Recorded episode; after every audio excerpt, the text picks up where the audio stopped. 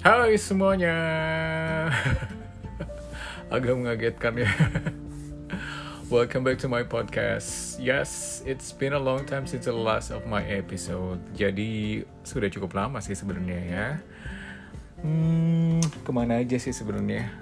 Um, ya, biasalah.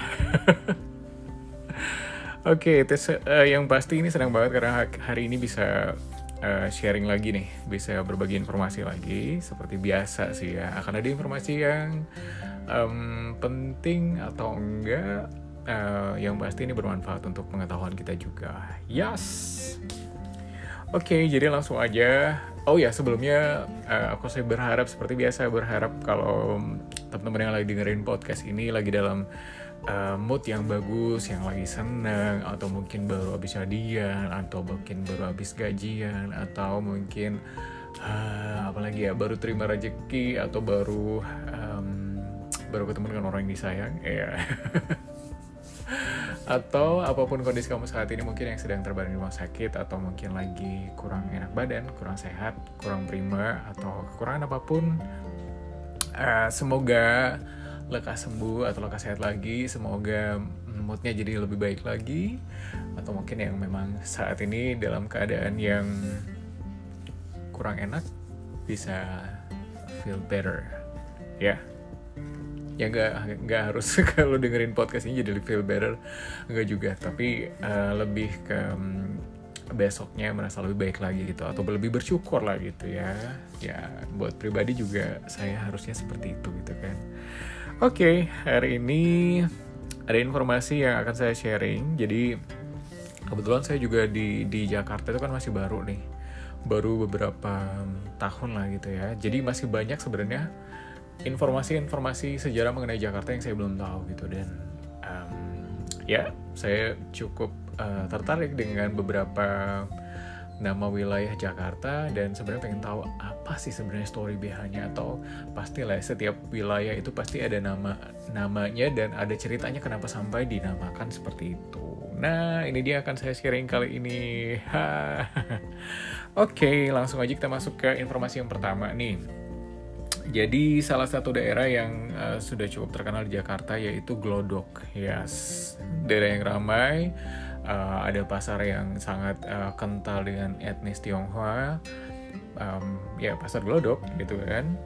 Dan ternyata Glodok ini dulu asalnya atau asal mula kata Glodok ini berasal dari kata gojrok, gojrok. Nah gojrok ini mungkin um, apa sebuah istilah dari air yang bunyi air yang jatuh dari pancoran, dari pancuran air, bukan dari pancoran ya. Iya, dari pancuran air. Jadi di daerah Glodok ini dulunya uh, ada satu waduk uh, yang merupakan penampungan air dari Kali Ciliwung. Nah, karena airnya mungkin sering uh, apa kayak penuh dan mungkin jatuh sehingga menyebabkan bunyi yang di, disebut pada pada zaman itu adalah uh, grojok gitu, grojok. Namun karena di daerah tersebut banyak orang Tionghoa atau keturunan Tionghoa yang menyebut grojok itu mungkin agak susah dengan lidahnya pada saat itu. Jadi mereka lebih uh, lebih um, apa ya? Lebih gampang untuk uh, lidah mereka menyebutkan kata glodok. Jadilah namanya glodok sampai saat ini. Jadi itu tadi sejarahnya adalah karena wilayah tersebut dulunya adalah um, wilayah penampungan air di mana air yang sering jatuh atau dari pancurannya itu berbunyi atau mereka sebutnya waktu itu grojok gitu dan uh, etnis Tionghoa yang tinggal di daerah situ menyebutnya dengan glodok untuk mempermudah atau menyesuaikan dengan lidah mereka gitu. Yes sampai saat ini jadilah daerah Glodok dan salah satu daerah yang cukup ramai tapi menyenangkan gitu ya karena daerah Glodok ini kalau misalnya kita uh, bisa mampir atau main ke sana uh, ambience-nya beda banget sih menurut aku sih ya.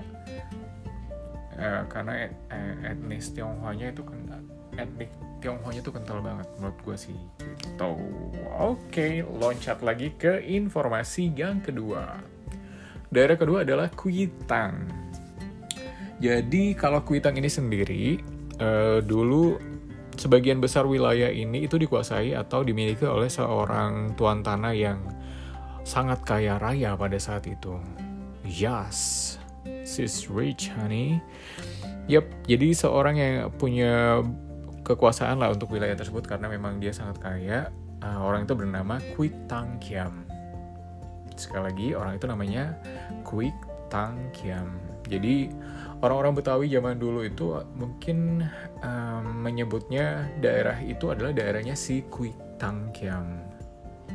Cuman mungkin karena um, mungkin agak susah gitu kan penyebutan atau mungkin uh, pengen dipersingkat gitu agak lebih mudah penyebutannya sehingga orang-orang menyebutnya itu uh, kampungnya si Kuitang dipersingkat gitu kan. Sampai sekarang jadilah daerah Kuitang. Yes. Jadi tapi uh, emang ini ya kebiasaan orang Indonesia ya kalau misalnya ada sesuatu yang agak sulit gitu di, dipermudah gitu. Tapi bukan cuma orang Indonesia doang sih ya. Semua orang juga pasti gitu ya. Pasti pengen cara yang lebih praktis. Oke. Okay. loncat lagi ke informasi nomor tiga. Yes. Informasi yang ketiga ini yaitu daerah Senayan. Haha, ini buat teman-teman yang memang suka banget nih pada belanja di Senayan, nongkrong di Senayan dan merasa kayak oh Senayan itu lebih indah dibandingkan uh, wilayah-wilayah lainnya gitu kan. Tapi emang aku akuin sih wilayah Senayan ini salah satu wilayah yang cukup berbeda lah untuk di apa dengan wilayah-wilayah wilayah-wilayah lainnya gitu dan um, apa ya ambience kalau ke Senayan kayaknya mall kali ya belanja kali ya sate Senayan kali ya banyak lah sebenarnya hal-hal yang uh, cukup menarik di Senayan. Nah, jadi sederhananya the story behind the name of Senayan ini Dulu daerah Senayan ini adalah milik seseorang yang bernama Wang Sanaya. Namanya um, Wang Sanaya ya. Dan orang ini berasal dari Bali. Kemudian um, karena tadi uh, pemiliknya adalah uh, Wang Sanaya, sehingga tanah tanah ini atau daerah tersebut pada saat itu pada zamannya disebut orang-orang sebagai Wangsanayan atau tanah tempat tinggal atau tanah milik Wangsanayan. Wangsanayan. Nah, lambat laun akhirnya penyebutannya berubah. Sekali lagi mungkin uh, dipersingkat atau dipermudah gitu ya dari yang tadinya Wangsanayan sehingga lambat laun menjadi Senayan yang sampai saat ini masih terkenal dengan nama Senayan. Yes, jadi itu tadi story behindnya. Dan lanjut aja langsung ke informasi yang keempat. Jadi uh, mungkin biar uh, biar kalian pada denger juga yang episode selanjutnya sih ya. Jadi nama-nama wilayah Jakarta kan banyak banget ya. Kalau misalnya aku sharing dalam satu episode tuh kayak nggak bakalan mungkin deh. Jadi akan aku bagi sampai 4-4 nama aja per episode biar tidak terlalu panjang gitu kan. Biar nggak terlalu bosan juga kali dengerin saya ngoceh gitu kan. Jadi uh, yang keempat atau yang terakhir yang akan aku sharing untuk episode kali ini adalah daerah Menteng. Yeay! Mungkin kalau ada efek yang anak-anak lagi teriakin lagi teriak banyak dan rame kayak di YouTube YouTube gitu ya Uh, kenapa ye, kenapa bahagia? Mungkin daerah Menteng ini salah satu daerah yang bisa dibilang uh, apa daerah elit lah gitu ya. Daerah banyak orang-orang yang um, kalangan ekonomi ke atas gitu untuk wilayah daerah Menteng sendiri gitu. Atau mungkin ada berpendapat, berpendapat lain boleh juga gitu kan.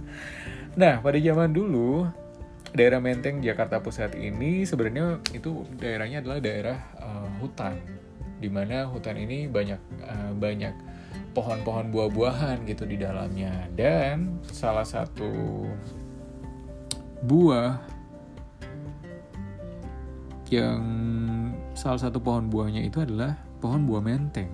Orang menyebut eh, orang-orang pada zaman itu menyebutnya wilayah Kampung Menteng karena itu tadi banyak pohon buah menteng. Nah, setelah tanah itu dibeli oleh pemerintah Belanda sekitar tahun 1912, akhirnya daerah yang tadi penuh dengan pohon menteng itu dirubah atau uh, disulap menjadi wilayah perumahan. Yes, jadilah perumahan untuk uh, para pegawai pemerintah pemerintah pemerintah Hindia Belanda pada zaman itu sampai sekarang akhirnya disebut sebagai wilayah Menteng. Yes, itu tadi udah empat informasi yang aku bagi untuk kali ini.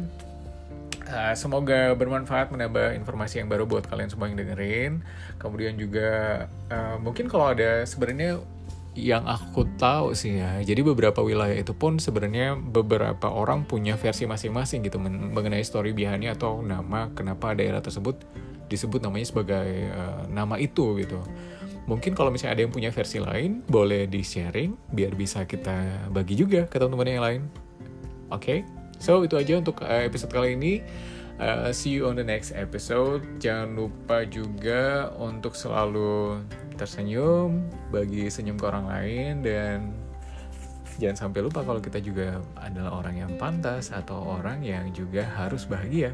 Yes, sama seperti orang-orang di sekitar kita. Oke, okay, see you on the next episode. Uh, have a nice what evening? Have a nice um, day. apa pun itu semoga menyenangkan lah waktu kalian. Oke, okay, see you, bye.